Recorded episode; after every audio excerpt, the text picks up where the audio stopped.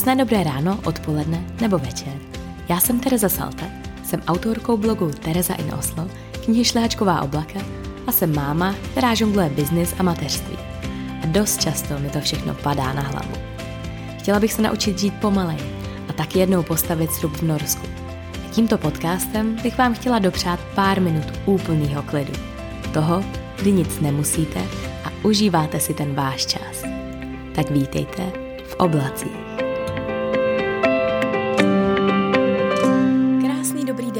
Vás vítám u dalšího dílu podcastu v oblacích. Je to číslo 71. A já jsem docela po dlouhý době v podcastovém studiu, kde je to docela pohodlný, nebo respektive mnohem pohodlnější, než když sedím doma. A akorát jediný, co jsem dneska nevychytala, tak eh, já jsem si vzala eh, takový letní kraťasy, který mám ráda. A ráno jsem je zapla a teď už jsem je musela teda rozepnout, takže tady sedím eh, s rozepnutým zipem, aby, aby baby mohlo dechat a aby tam mělo prostor, protože mám pocit, že se vždycky ráno probudím a břicho nemám a prostě během chvíle tam najednou zase je, že tak prostě tak roste, tak vyroste za ten den. Takže uh, tak jenom, abyste si tak představili, jak to tady tak vypadá, a s tím těhotenstvím se pojí ještě jedna poměrně zábavná historka, kterou jsem si říkala, že teď už vám ji konečně můžu vyprávět.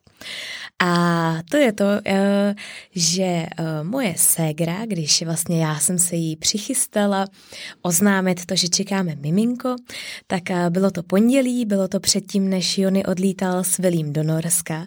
A moje ségra mi volá a říká, že za každou cenu musí přijet, protože, protože se Vilí musí rozloučit s Elinkou, než odjede na ten týden.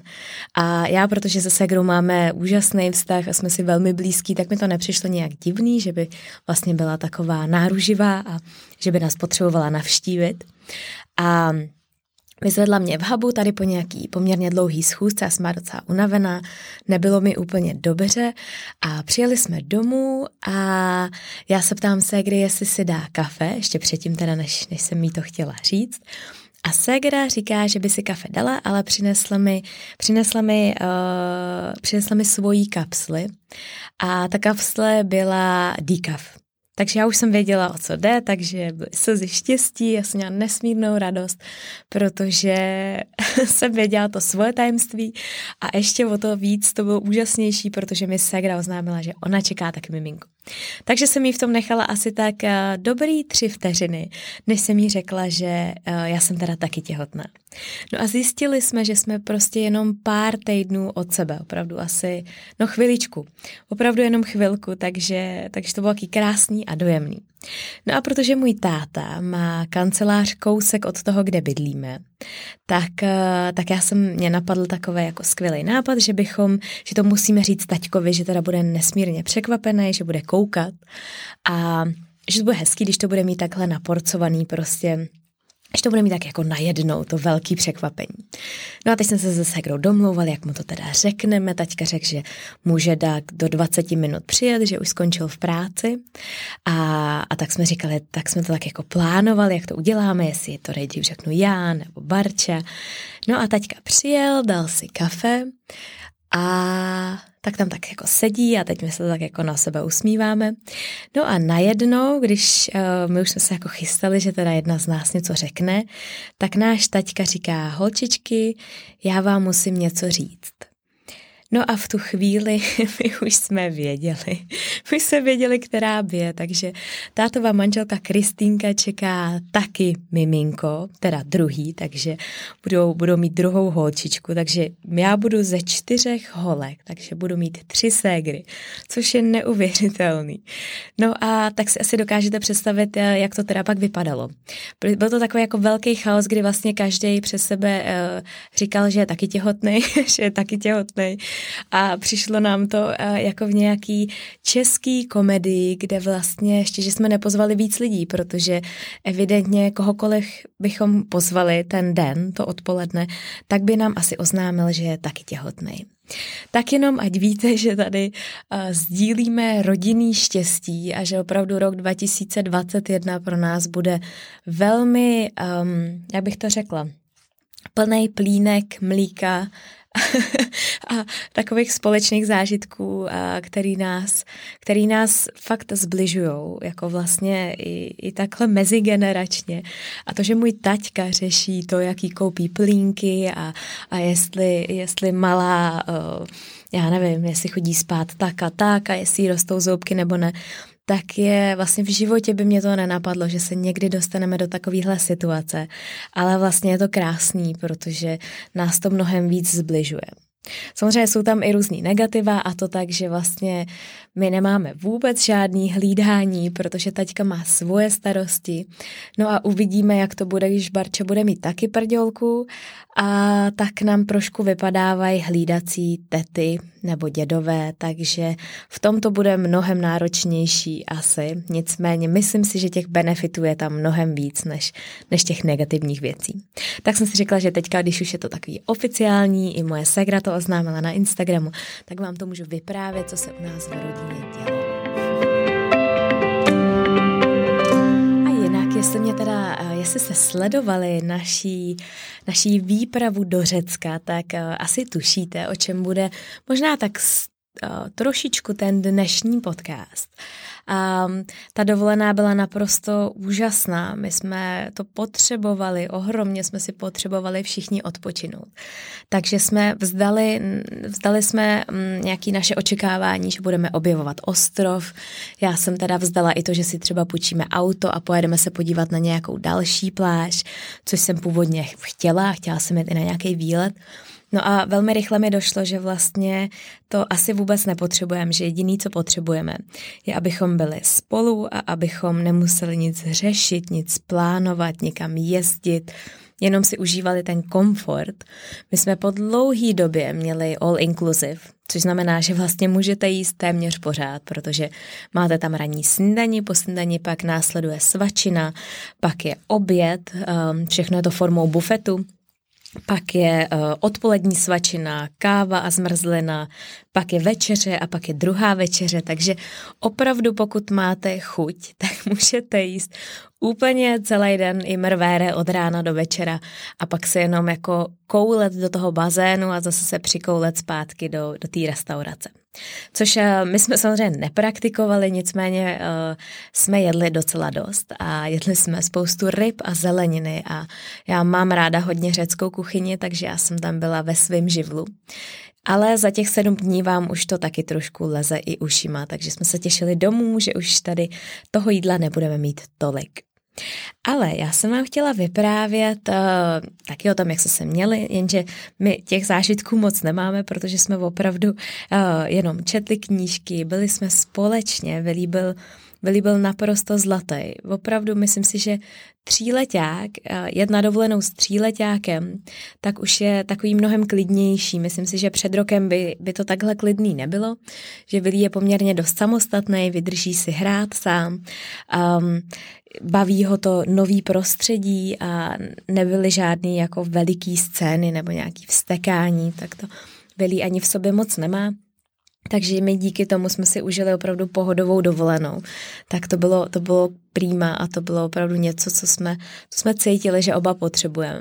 Já jsem přečetla dvě knížky a, a Jony byl teda, Jony byl zlatý a úžasný, takže uh, se staral o Velího a já jsem třeba si mohla jít odpoledne lehnout nebo, nebo uh, se mohla ležet na pláži, když kluci, kluci tam něco podnikali, něco stavili, někam chodili a tak. Takže v tom to bylo skvělý. A za to jsem nesmírně vděčná, protože, uh, protože jsem tak přijela taková, taková úplně jako nabitá novou energií a opravdu cítím, jak, jak, jak mi to prospělo. A myslím si, že to bylo všechno, ta kombinace toho, že jsme byli spolu, že jsme nemuseli na nic myslet, a přestože Jony docela pracoval po večerech, ale já jsem nemusela skoro na nic myslet a, a jenom jsme jedli dobré jídlo a dívali jsme se na to moře. No a tohle je jedna z těch věcí, která mě poměrně zaujala, protože s Jonem jsme vedli takovou docela rozsáhlou diskuzi. Protože jsme se rozhodli a vůbec to nebylo, vůbec to nebylo jaký dlouhý rozhodování, že si chceme upgradeovat pokoj, abychom měli pokoj s výhledem na moře.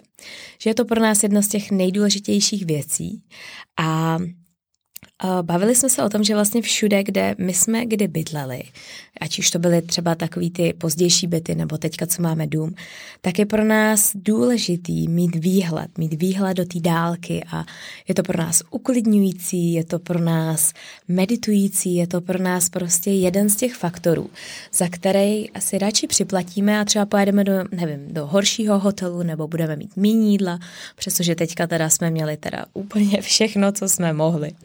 Ale dokážu si představit, kdybychom si museli vybrat, že mnohem raději třeba obětujeme pár hvězdiček v hotelu, ale budeme chtít mít ten výhled na moře. No a protože ta diskuze byla docela zajímavá, tak já jsem, se, eh, já jsem si k tomu vyhledala pár takových různých výzkumů a průzkumů, který by měly podložit tu naší myšlenku, že máme opravdu pocit, že, že to moře má opravdu vliv, má pozitivní vliv na duševní i fyzický zdraví. Jenže to se tak úplně neví. Jsou, existují uh, nějaký divoký teorie, které sahají až do raných stádií vývoje člověka, až k prvním osadám u moře. A k urychlenému vývoji mozku právě díky zvýšenému příjmu omega-3. Uh, protože lidi tam jedí vlastně víc těch mořských plodů a tak. Takže to je jedna z těch teorií, která by mohla činit lidi šťastnějšími a vlastně fyzicky zdatnějšími. Další hypotézy naznačují, že mořské vlny uvolňují do vzduchu jonty, které pak vyrovnávají tu hladinu serotoninu. A vlastně tím vám navozují ten pocit štěstí. Uh, já mám pocit, že opravdu to dokážu a dokážu a cítím to, že opravdu prostě jsem šťastnější, když ten výhled na to moře mám a, a vždycky jsem to tak mývala, vždycky, když jsme byli v Norsku, kdekoliv, tak já jsem okamžitě musela jet na pláž.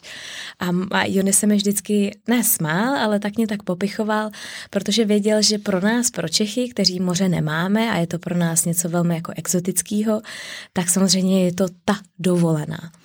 No a pro ně, pro Jonyho, který u moře vyrost a u moře trávil spoustu času, tak to zas tak exotický není, ale, ale taky sám cítí, že je to pro něj důležitý.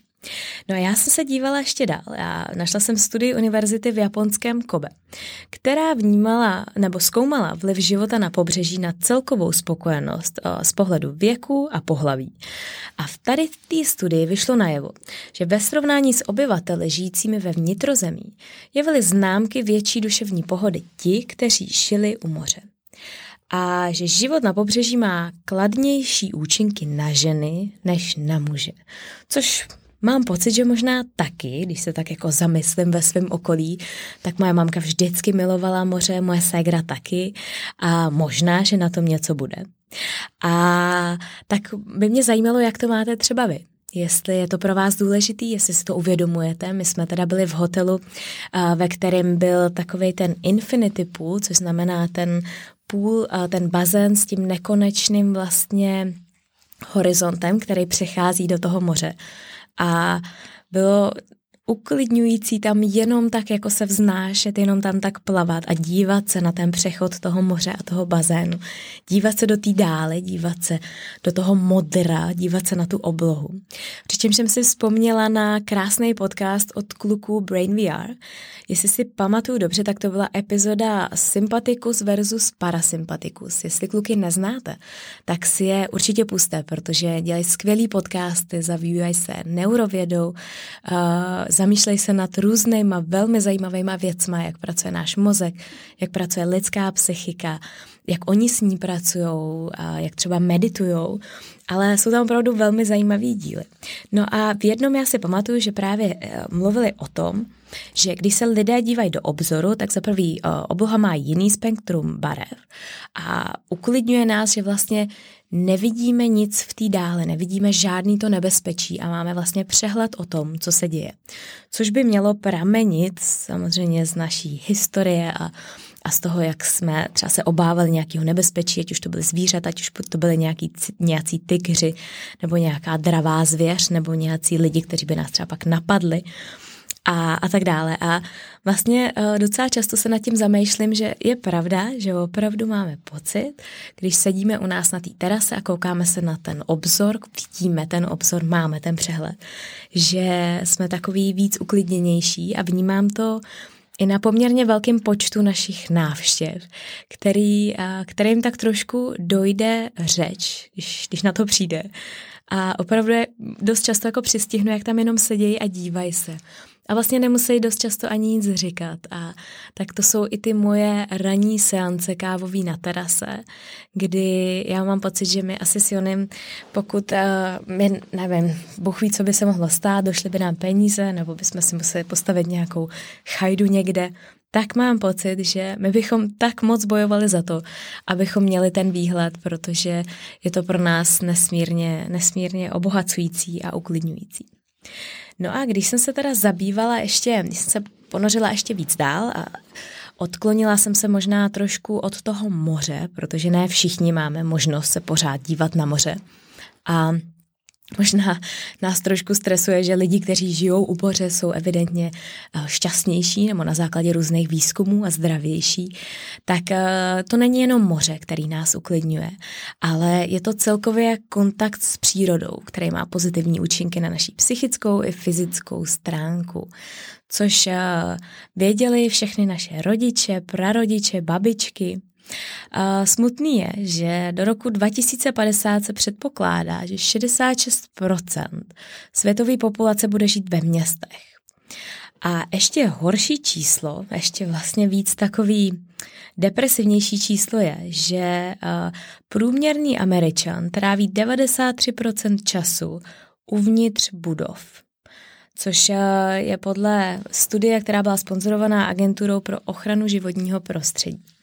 Já si myslím, že už v dnešní době je to vnímání přírody zase mnohem, vlastně, že jsme tomu mnohem blíž, snažíme, víme, víme o těch um, pozitivech snažíme se trávit víc času v přírodě, snažíme se trávit víc času na zahradě a tak dále.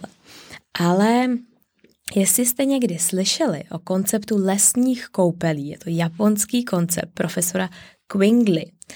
A tak eh, to může být něco pro vás, co vám ještě tak trošku možná víc ponoukne k tomu, aby jsme toho času v přírodě trávili ještě víc.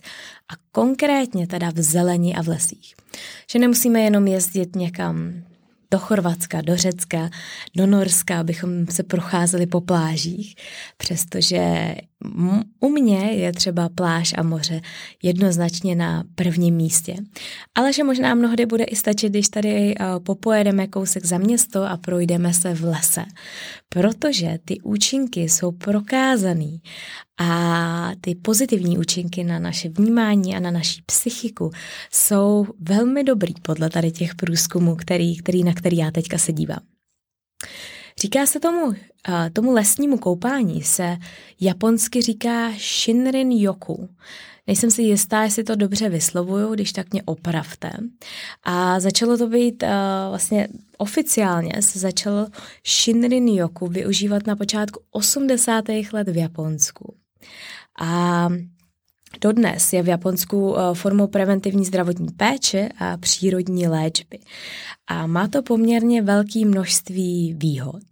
A mě právě na tom zaujalo to, že třeba eh, ten pan profesor, ten Quinley, eh, dělal rozsáhlý výzkumy s tím svým projektovým týmem a přišel na to, že krevní testy, které odebíral těm účastníkům testu před tou meditační procházkou v lese a poté, pak vykázaly významné zvýšení aktivity NK buněk u všech účastníků testu a že došlo ke snížení stresového hormonu a tyhle hodnoty, což je na tom velmi pozitivní, byly pak prokazatelné ještě dalších 30 dní.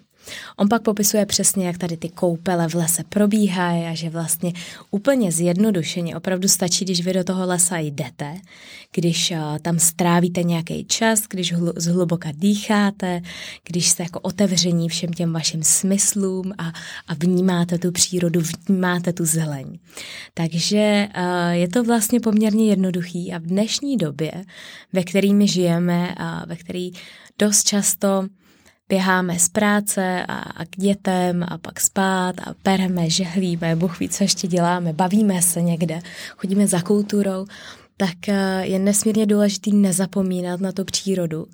A zajímalo by mě, jestli, jestli třeba právě i zahrada nebo práce na zahradě to může svým způsobem nahradit, nebo nahradit, může to vlastně mít podobný třeba výsledky, protože je pravda, že když třeba srovnám den, kdy jdu z práce, a jdu třeba jenom něco uvařit, něco uklidit, pak dáváme spát Williamka, pak sedíme doma, koukneme se na nějaký seriál. A když tady ten den srovnám s tím, když přijedeme z práce, je třeba hezky a my pracujeme na zahradě, vylískáče na trampolíně, my třeba grillujeme venku a pak jdeme spát, tak uh, já jsem mnohem víc nabitá a mám lepší náladu, mám víc energie. Takže Mám pocit, že na mě působí zahrada velmi podobně. Možná, že je to opravdu tou zelenou barvou, možná, že je to a tady ten doktor Lee připisuje vliv na náš organismus taky vdechování vzduchu, který obsahuje fytoncidy, což jsou éterické oleje, které jsou obsažený ve, obsažený ve dřevě těch stromů. Tak pokud máte třeba na zahradě taky velký stromy, tak možná, že tady ty éterické oleje taky můžete vdechovat. No a ještě jsem našla, že um, jeden velmi zajímavý uh, výzkum, uh, to byla studie amerického psychologa Rogera Ulricha, která byla už z roku 1984. A Roger Ulrich zjistil, že pacienti, kteří byli po operaci žlučníků a leželi v místnostech s výhledem na stromy, se zotavovali mnohem rychleji a měli méně pooperačních komplikací a dokonce potřebovali méně léků na bolest, než ti, kteří byli v pokoji, který mířili uh, na cihlovou zeď což eh, možná může vysvětlovat to, proč třeba na různých eh, jednotkách intenzivní péče mají vymalovaný zdi zelenou barvou, nebo tam třeba mají různý kresby stromů a tak, pokud samozřejmě není v možnosti tak, aby ty okna třeba byly někam do přírody. A takže možná, že opravdu na tom něco bude. A já si myslím, že je velmi důležité si to pořád připomínat, protože je to jedna z věcí, kterou považujeme za naprosto běžnou a normální a, a možná, že právě vám tady v tom uh, tu cestu můžou zjednodušit domácí mazlíčci, kteří vás do té přírody vytáhnou, protože, protože musí. A je pravda, když jsme hlídali Merlina, Segry Pejska, tak ty ranní procházky se staly pro mě takovým krásným rituálem. A já jsem si naivně říkala, že to budu držet, i když Merlina hlídat nebudeme. Což se samozřejmě vůbec nestalo. Ale možná, že opravdu ti domácí zvířátka, ti pejsci, můžou občas takhle těm lidem pomoct, aby do té přírody se vedeli častěji a možná, že právě díky tomu třeba jsou ti lidi šťastnější. Kdo ví? A vlastně mě k tomu ještě napadlo, že uh, já, já nevím, jestli jsem už to tady někdy nevyprávila, ale poslední měsíce má Jony novýho koníčka a je to, uh, je to golf a narouboval ho do toho jeho brácha, který, který teda žije v Norsku, ale ten začal hrát golf asi už před rokem nebo před dvěma lety a, když kluci byli teďka v Norsku, tak právě ho vytáhnul párkrát a Jony ho to dost bavilo a my se spolu párkrát byli taky hrát golf. Já jsem do toho tak jenom tak jako bouchala. Byli jsme na driving ranchi. A bylo to zábavný, ale nikdy vlastně jsem k tomu úplně tak nepřičichla. No a teďka, když vlastně Jonyho to tak nesmírně baví a teďka objíždí různý ty golfové hřiště v Praze a zkoumá, kde by třeba mohl hrát a, a objevuje a tak, tak my se párkrát byli s Vilím s ním, konkrétně třeba včera jsme byli na Albatrosu a ve Vysokém újezdu a předtím jsme byli v Hodkovičkách a je pravda, že tam je všude tak nádherně zeleno. Je tam úplně zenový klid. Občas tam mají takovou tu fontánku nebo jezírko uprostřed těch různých uh, golfových jamek. A je tam něco, co na mě po dlouhé době opravdu dejchlo takovým klidem, že možná pomalu začínám přicházet na to, proč to ty lidi baví. Že dřív jsem si říkala, že vždy to ani není prostě náročný sport, že lidi akorát jako chodějí dlouho a jsou v té přírodě a, a tak a vlastně je to technicky velmi náročný, ale člověk se u toho vlastně nezapotí, nezacvičí si, a což já jsem do téhle chvíle považovala, že to je vlastně ten důvod, proč chodíme cvičit, abychom vyplavili, ty adr, abychom vyplavili ten adrenalin a, a endorfíny a tak dále. Ale včera, jak jsem tam seděla, tam je takovou krásnou restauraci, jsme tam dali jídlo, dali jsme tam večeři, byl západ slunce, byl tam úplný klid a pohoda. Tak se možná pomalu začala rozumět tomu, proč to lidi tak vyhledávají, proč je to tak baví. A začala jsem si říkat, že možná, možná by mě do toho Jony taky mohl trošku naroubovat, ale Nemyslím si. Nemyslím si, že teďka na to budeme mít ještě čas nebo kapacitu. Nicméně, Jony asi jo. Já s mým rostoucím bříškem úplně si nejsem jistá, jestli by mi to nějak pomáhalo technicky, ale jenom jsem ti chtěla říct, že možná může, může vlastně ta zelená být právě tady na tom golfovém hřišti taky tím uklidňujícím faktorem a tím, proč, proč tam lidi rádi chodí a proč se tam chodí odpočinout. Takže to je jenom tak, co se v našich životech děje. Mě by, mě by zajímalo, jestli to máte podobně, jestli je pro vás výhled taky důležitý. Jestli byste třeba výhled z domu, z baráčku, který byste si třeba chtěli jednou postavit, neobětovali na úkor něčeho jiného, nebo naopak to pro vás důležitý není a možná radši jste někde v přírodě sami. A klidně mi napište, můžete se mnou komunikovat kdekoliv, ať už na Instagramu, což si myslím, že je asi nejjednodušší, nebo můžete napsat nějakou třeba i do recenze na Apple Podcasts, a nebo klidně mi napište e-mail, ty já mám taky moc ráda, protože tam se toho zase vejde trošku víc a můžete se více rozepsat. Čímž vám takhle hromadně děkuji za vaše zprávy a právě za ty e-maily.